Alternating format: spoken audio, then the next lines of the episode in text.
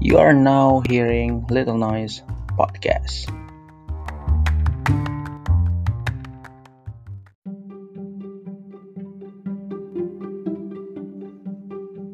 Halo, apa kabar semuanya? Balik lagi dengan gua Muhammad Haris, one and only podcaster dari Little Noise Podcast atau Little Noise Media ya. Yang sebenarnya medianya juga lagi mandet ya, lagi mandet gitu karena lagi pada sibuk anak-anak dan kita tidak punya anggota gitu. Kita cuma bertiga dan ya udah. Jadi lagi pada sibuk dan akhirnya ya gue ngembangin di podcastnya dulu aja gitu. Little Noise Podcast. Iya lumayan lah ngepodcast seru juga gitu kan. Sambil nunggu yang lain pada siap buat launching IG sama YouTube ya mending gue lanjutin dulu podcastnya. Dan mungkin ke depannya ya Little Noise Podcast gue bakal punya partner ya gue lagi ngomong-ngomong kontak-kontak sama temen gue dan nanti bakal punya partner buat ngomongin hal-hal yang berkaitan dengan teenager remaja. Ya sebenarnya tips and trick aja ya dalam hidup remaja gitu yang ya mungkin bisa sedikit berguna. Oke jadi Eh, hari ini gue di tanggal 27 Mei 2021 di jam 12.53 Udah siang banget ya. Bulan puasa. Dan karena gue gabut nggak tau mau ngapain Lagi nggak ada kuliah Kelas kosong Terus gue gabut Daripada lapar Mending bikin podcast. Dan jujur sementara gue nggak nyediain uh, naskah sama sekali. Dan ini udah tag kedua kali. Karena yang pertama gue nggak suka bahasanya ke mana-mana yang nggak jelas gitu. Jadi karena nggak ada teks ya udah gitu. Harus mikir sendiri. Dan ya udah. Oke kita lanjut ya. Jadi hari ini tuh gue pengen ngebahas terkait divisi humas. Kita nggak fokus ke organisasi kita nggak fokus ke humas suatu instansi tapi kita akan fokus ke humas event organizer. Jadi saat lu menjadi panitia suatu event. Jadi kita bawa dulu ke awal ya. Jadi di suatu event biasanya saat lu ada event pasti ada panitia dong. Iya dong pasti dong. Masa nggak ada? Nah panitianya ini pasti punya divisi-divisi. Ada BPH BPH tuh isinya ada ketua ada sekretaris bendahara gitu selain BPH di bawahnya BPH tuh biasanya ada divisi-divisi kecilnya gitu. Ada divisi humas divisi acara divisi lapangan divisi desain divisi dokumentasi gitu. Jadi kan divisi banyak. Nah kita bakal fokus ke divisi humas. Kenapa humas? Karena gua di SMA seorang apa bahasa enaknya apa humaster humaster. Humaster Iya, maksudnya iya orang yang entah kenapa selalu bertemu dengan divisi humas gitu. Nggak selalu sih. Kan pernah juga dapat di acara, pernah dapat di dokumentasi gitu, tapi most of ya selama SMA, selama gue menjadi event organizer di SMA gitu ya, gue biasanya di humas. Jadi gue bakal bahas secara beruntun dari yang namanya tugas-tugas humas. Dari mulai cara menentukan job desk humas cara kerja menjadi humas yang baik ya gue akan berusaha memberikan pengalaman dan opini gue di podcast hari ini gitu sob. Iya jadi pertama kita harus tahu dulu apa itu humas. Ya. Sementara humas itu singkatan hubungan masyarakat gitu dari namanya aja lu mungkin udah bisa nebak kan tugasnya apaan gitu ya tugasnya adalah kita bahas dulu dari organisasi atau instansi ya Humas, tugas humas kalau di organisasi dan di instansi tugasnya adalah menjadi penghubung antara instansi tersebut dengan pihak luar. Pihak luar siapa? Contoh masyarakat. Kalau di sekolah contoh guru gitu. Jadi jadi penghubung gitu antara dari pihak instansi sama pihak luar. Berbeda dengan panitia acara. Panitia acara juga sebenarnya sama ya. Intinya sama yaitu penghubung dari panitia dengan pihak luar.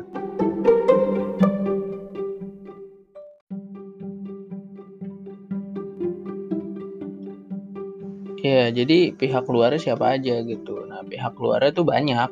bisa berupa orang yang memberikan izin acara, pengisi acara juga bisa, kepada peserta, tamu undangan gitu. Jadi gue bakal bahas dikit ya dari fungsinya ya, fungsi humas. Yang pertama tadi yang gue bilang, untuk mendapatkan izin acara. Jadi fungsi humas adalah mengkonfirmasi ke pihak-pihak yang bisa memberikan izin.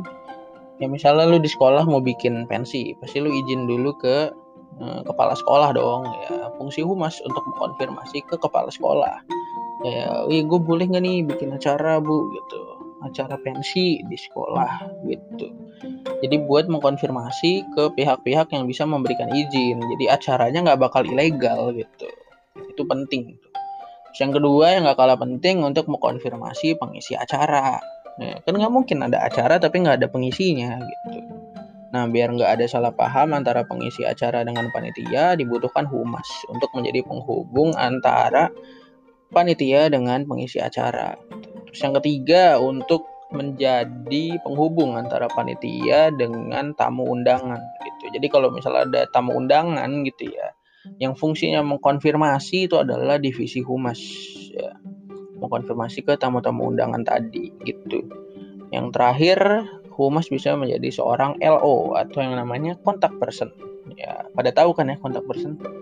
Fungsinya adalah menjadi penghubung antara panitia dengan peserta atau orang-orang yang minat mau gabung ke acara gitu. Maksudnya mau jadi peserta acara gitu maksudnya. Ya, jadi penghubung antara peserta dengan panitia gitu. Bisa ya misal kalau lo lihat poster-poster acara suka ada kan kontak person gitu. Nah, itu dari humas biasanya. Jadi lu bakal menghubungi humas gitu. Udah pasti sih kalau menurut gua kontak person tuh pasti humas. Gitu.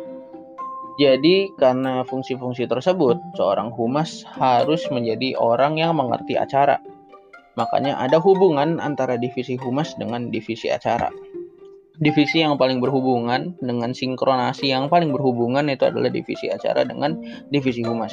Jadi, dua divisi ini udah kayak adik kakak gitu, kayak Iya selalu deket-deketan nih adik kakak couple ya kayak couple kayak couple baru jadian gitu cuy. Deket mulu guys. Rapat deket mulu gitu jadi. Kalau di event organizer oke? Okay? kalau jadi panitia divisi humas dengan divisi acara tuh sangat dekat. Karena humas harus mengerti betul tentang acara gitu jadi dari tema, judul, bentuk acara, acaranya seperti apa, tanggal acaranya kapan, target acara seperti apa, humas harus tahu betul gitu. Jadi ya kayak gitulah. Terus ada juga fungsi lain dari humas bisa menjadi divisi promosi cuma-cuma. Ya, jadi kadang divisi humas tuh bisa menjadi seorang bahasanya apa yang mempromosikan? Itu promotor menjadi seorang promotor acara gitu. jadi mempromosikan acara untuk bisa dikenal orang lain gitu. Jadi bisa memberikan promosi cuma-cuma gitu. Itu tugas sampingan humas. Dari opini gua. Ya, sebenarnya tuh fungsi humas banyak banget tergantung dari cara lu melihat humas gitu. Kayak gitu jadinya Nah, sekarang kita bakal bahas dikit ya terkait dari yang namanya apa ya? Job desk. Bahasa Indonesianya apa ya job desk? Tugas. Iya, tugas. List tugas lah gitu maksudnya. Jadi, kalau di satu divisi biasanya lu bakal dibuatin list-list tugas ya. Misalnya di acara list pertama bikin rundown, list kedua nentuin tanggal, list ketiga nentuin konsep acara. Eh kebalik harusnya konsep acara dulu. ya jadi misalnya di divisi acara seperti itu. Terus divisi dokum misalnya yang pertama job desk-nya ngambil dokumentasi foto saat acara berlangsung, ngambil dokumentasi foto saat rapat berlangsung gitu. Ya, apalagi misalnya konsumsi, divisi konsumsi menyiapkan makanan job desk nah kayak gitu. Nah, Job desk dari divisi humas itu biasanya agak tersendat. Maksudnya tersendat, kita mundur. Jadi biasanya di awal acara baru mulai ya. Awal banget acara baru mulai. Biasanya divisi humas nih jadi salah satu divisi yang pasif. acara baru dimulai ya misalnya baru bikin konsep baru bikin rencana acara rancangan acara tuh biasanya humas menjadi sosok paling pasif ya, istilahnya mereka cuman nge ngemukain pendapat doang gitu ya enggak belum kerja secara nyata gitu karena apa ya belum ada yang mau disampaikan gitu jadi biasanya divisi humas tuh awal-awal pasif ya masih pasif sampai akhirnya acara sudah menentukan tanggal, acara sudah menentukan konsep acara. Nah, di situ humas baru mulai kerja. Kita masuk ke job desk pertama. Konfirmator. Ya, job desk pertama dari seorang humas menjadi seorang konfirmator. Gitu, guys. Jadi humas tuh harus pinter menjadi menjadi seorang konfirmator dari tema acara, terus tanggal acara, judul acara kepada pihak luar. Kita utamain kepada pihak-pihak yang memberikan izin. Kita biar gampang ditelaah ya, biar gampang dimengerti itu kita bawa ke sekolah. Biasanya dulu saat gue menjadi koor humas atau jadi anggota humas, terus acara sudah berhasil menentukan tanggal, gue bakal bawa tanggal tersebut untuk dikonfirmasi ke pembina. Ya. Tergantung kalau lu OSIS bawa ke pembina OSIS, lu ROHIS bawa ke pembina ROHIS. Lu obrolin dulu tentang tanggal tersebut dan lu tunggu jawaban dari dia. Ya, kalau jawabannya positif, oke okay, gitu. Kalau jawabannya negatif, lu bawa pulang dulu ke panitia dan lu omongin tentang apa yang terjadi buat bisa ditelah oleh panitia apa ada yang salah gitu. Dan kalau udah cocok sama pembina naik pangkat gitu, naik level.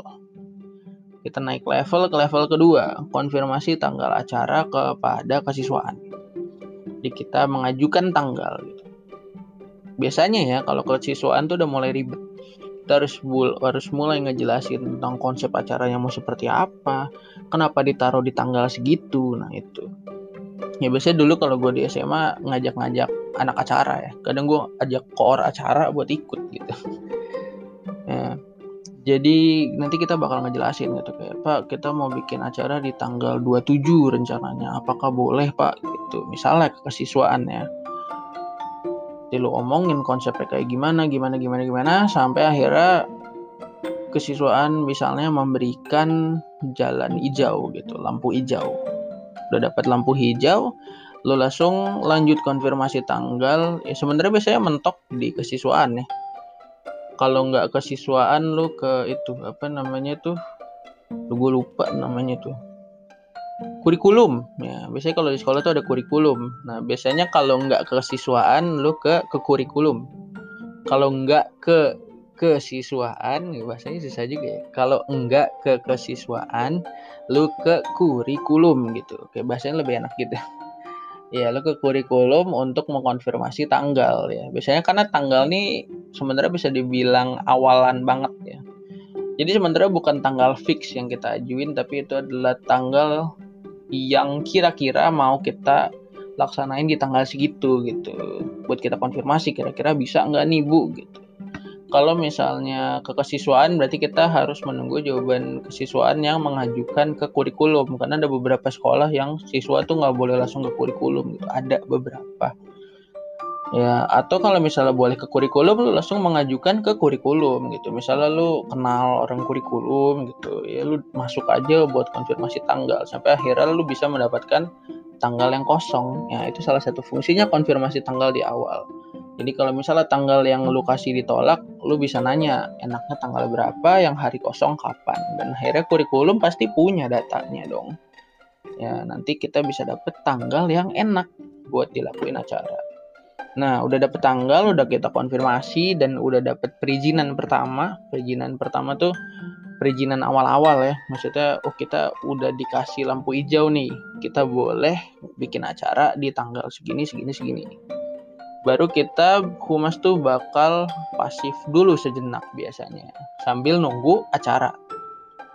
Acara di situ pasti bakal sibuk yang namanya bikin proposal ya ya maksudnya bantuin bikin proposal lah karena proposal pasti yang bikin itu sekretaris. Kalau di acara sekolah gitu pasti BPH yang ngurusin proposal ya. Proposal LPJ itu pasti yang ngurusin semua BPH tapi pasti yang namanya penyusunan proposal ini akan berkesinambungan penuh dengan acara dan divisi-divisi lain. Tapi paling deket pasti sama acara gitu ya kalau divisi-divisi lain ya paling anggaran dana gitu pasti. Kalau tapi kalau sama acara tuh harus bener-bener dijelasin konsep acaranya mau seperti apa tujuan acaranya untuk apa eh, apalagi tuh rumusan masalah yang mau dipakai di acara tersebut tuh apa gitu. 5W1H gitu kan ya.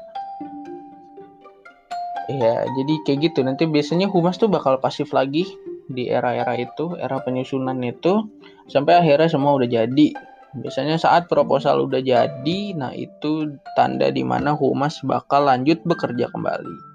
Bekerjanya apa? Yang pertama biasanya membantu pengajuan proposal. Karena yang harus ngajuin proposal tuh acara sama BPH ya yang ngajuin proposal ke sekolah. Dan humas bakal jadi penghubung. Sebagai tugasnya seorang penghubung humas pasti harus ngebantu gitu. Nah yang sering gue lihat fenomena-fenomena di sekolah ya eh, panitia-panitia sekolah tuh banyak humasnya yang mengabaikan ini gitu. Jadi kayak sudah merasa proposal tuh udah tugasnya seorang BPH dan acara jadi humas mengabaikan saja padahal nggak boleh gitu. Seharusnya humas juga ikut turun tangan dalam pengajuan proposal ini gitu. Atau mungkin harusnya humas 100% yang ngajuin ya dengan bantuan pihak-pihak BPH dan acara gitu. Jadi humas tuh harus ada turut ambil andil gitu. Apa sih bahasanya? Harus ada juga gitu. Harus punya tugas juga dalam pengajuan proposal. Karena beberapa yang sering gue lihat banyak humas-humas acara tuh yang mengabaikan pengajuan proposal ini karena ngerasa itu bukan job desknya mereka. Padahal itu salah satu job desk humas. Karena balik lagi ke fungsi humas. Menjadi penghubung antara panitia dengan yang namanya pihak luar atau pihak-pihak yang dibutuhkan demi terlaksananya acara gitu karena yang namanya pengajuan proposalnya juga krusial ya. Kalau proposal ditolak lo nggak bisa bikin acara. Gitu. Jadi humas tuh harus yang namanya rajin juga nih. Jadi setelah proposal jadi humas baru mulai kerja.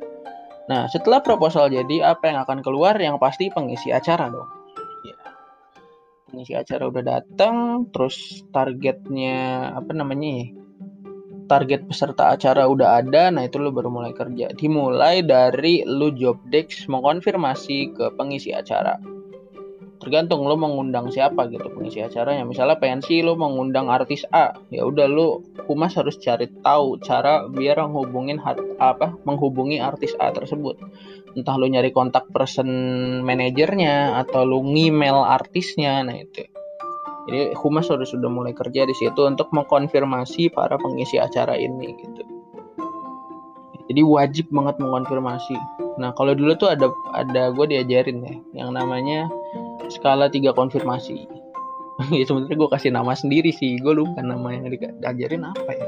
Tapi gue kasih nama gue kasih namanya tuh skala tiga konfirmasi atau tiga skala konfirmasi ya. Skala pertama adalah skala kulit ya gue nyebutnya skala kulit tuh skala saat lu pertama kali mengajukan ke pengisi acara ya ini skala kulit nih uh, sebagai penentu sebenarnya. Si pengisi ini bakal ikut atau enggak. Ya biasanya juga tergantung dari offer yang lu ajuin ya. Lu pinter-pinteran panitia aja ya. Offer yang diajuin ke pengisi acaranya. Biasanya buat beberapa pengisi acara gitu. Tapi buat beberapanya yang nggak mentingin offer lah. Ya jadi di kulit ini fungsinya lu untuk mengonfirmasi atau istilahnya mengajukan.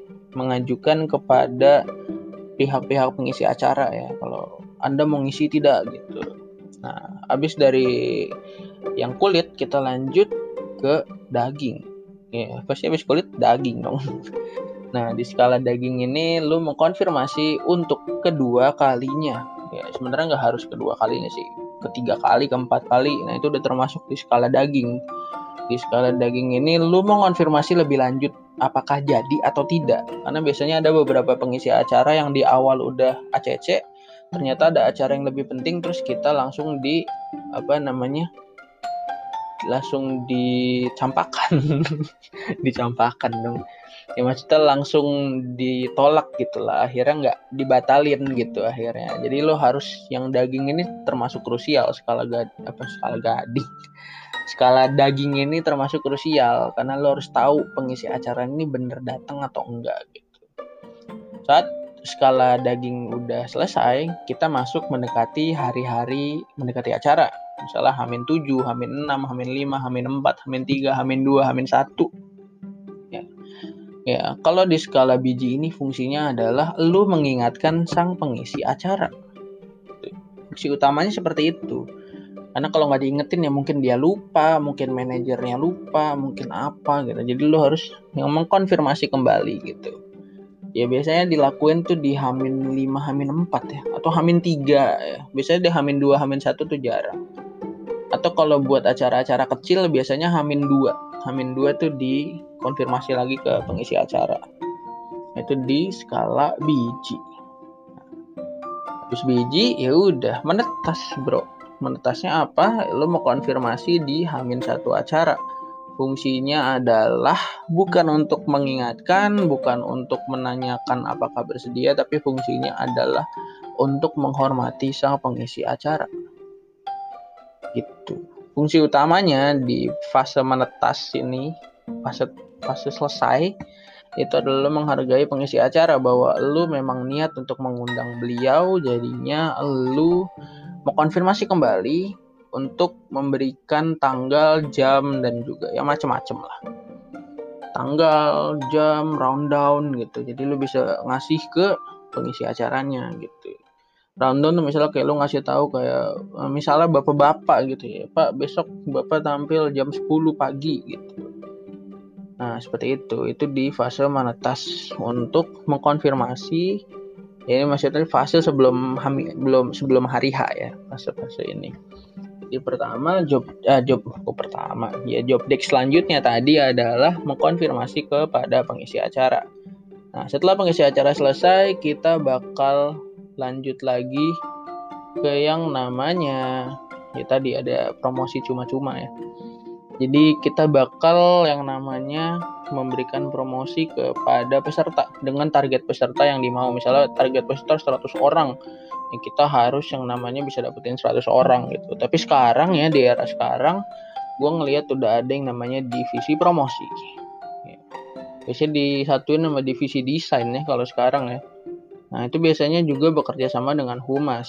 Kalau di zaman sekarang fungsinya humas di zaman sekarang adalah menjadi kontak person gitu jadi desain sama promosi itu mempromosikan acara, humas menjadi kontak personnya. Jadi saat desain sama promosi berhasil mendapatkan peserta-peserta, nah humasnya yang harus keep mengkeep keep itu bahasa Indonesia apa sih? Mempertahankan.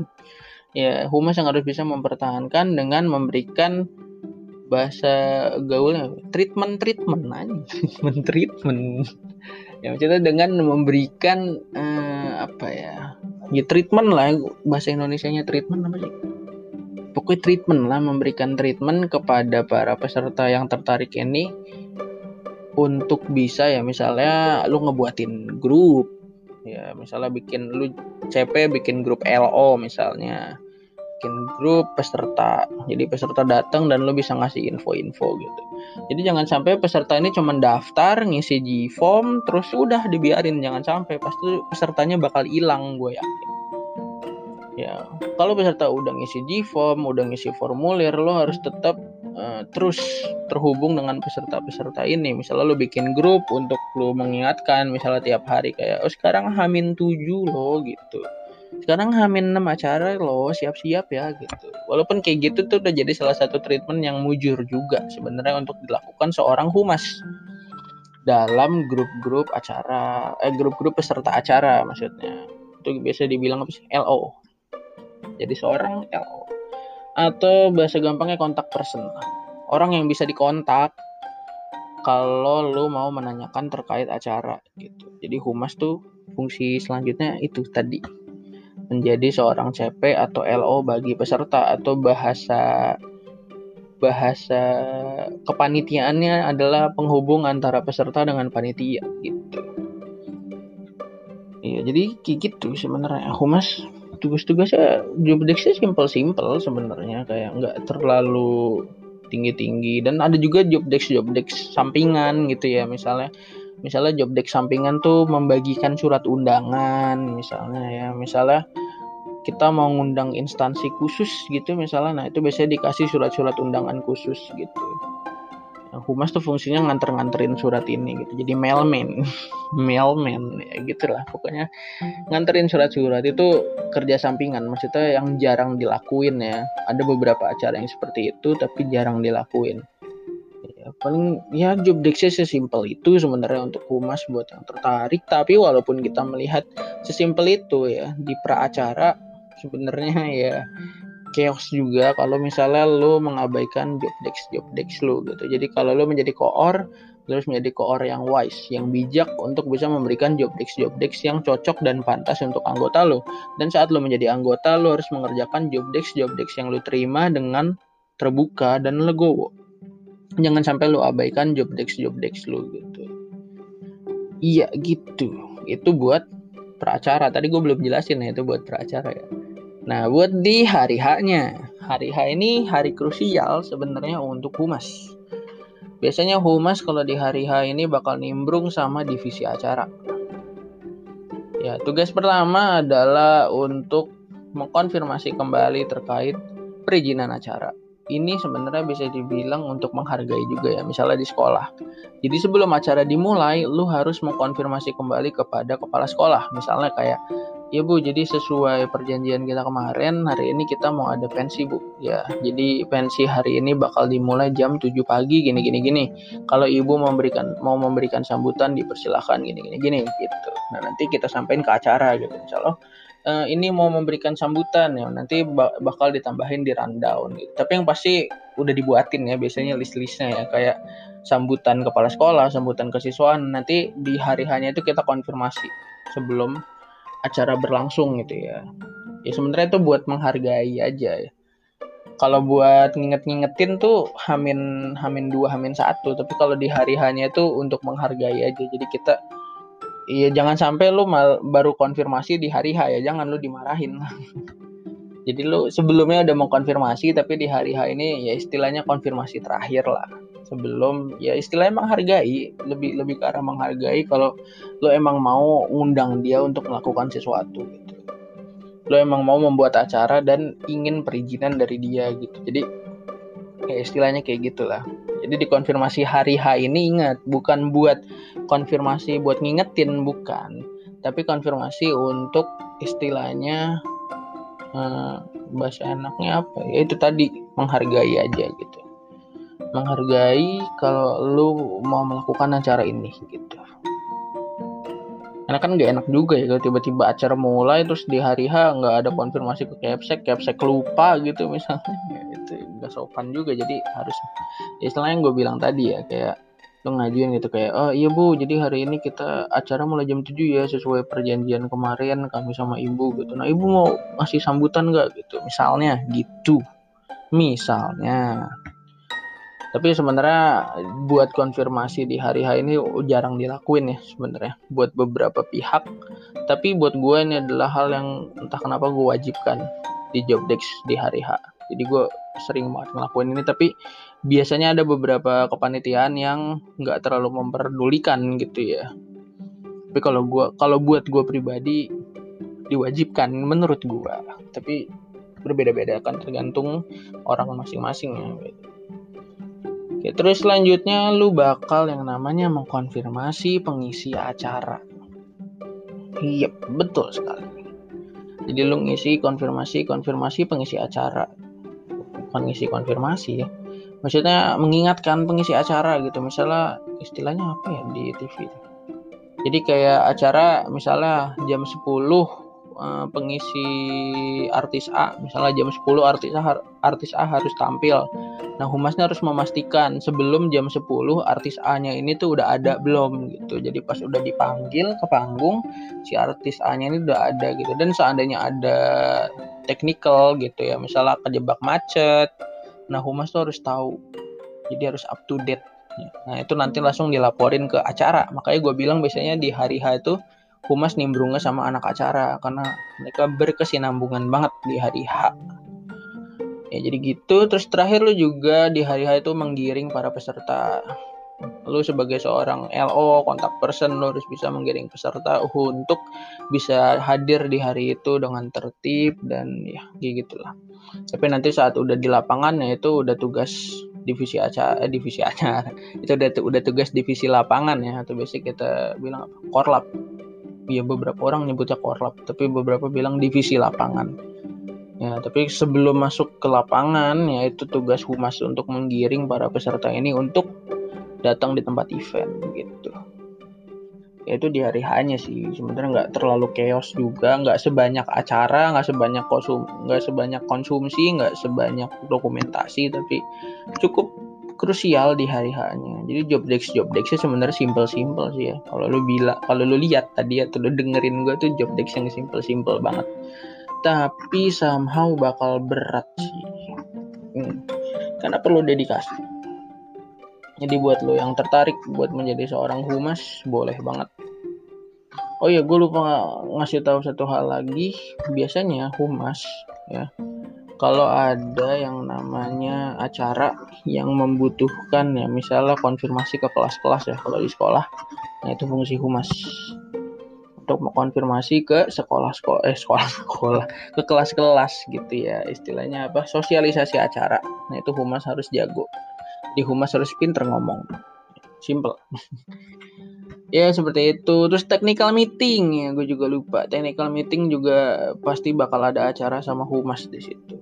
Saat technical meeting gitu iya gitu job desk job desk sih simple simple ya. Gue sering banget bilang simple simple karena kalau lu baca job desknya tuh dikit banget so, humas tuh dikit banget job desknya bro.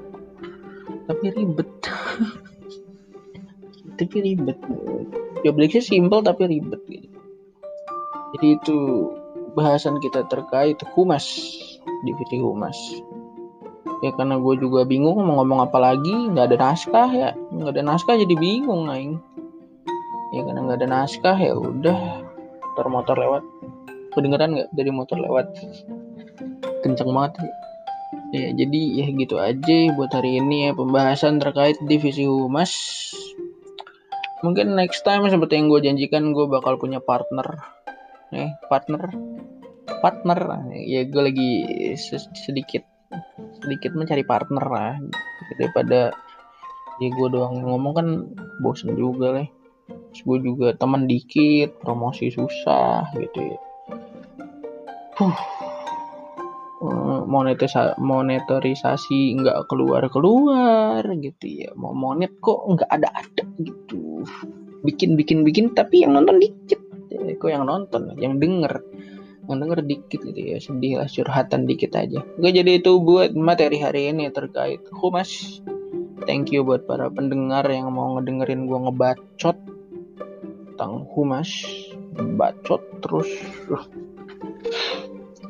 Ya jadi ya mungkin nanti ke depannya gue bakal bahas beberapa divisi-divisi acara lagi dengan para orang-orang yang lebih berkompeten di divisinya masing-masing tentunya. Karena nggak mungkin gue bahas divisi acara kalau gue nggak punya dasar-dasar divisi acara gitu. Ya semoga lu bisa ngerti tadi yang gue omongin apa uh, dan you guys thank you. And see you on the next podcast. Bye bye guys.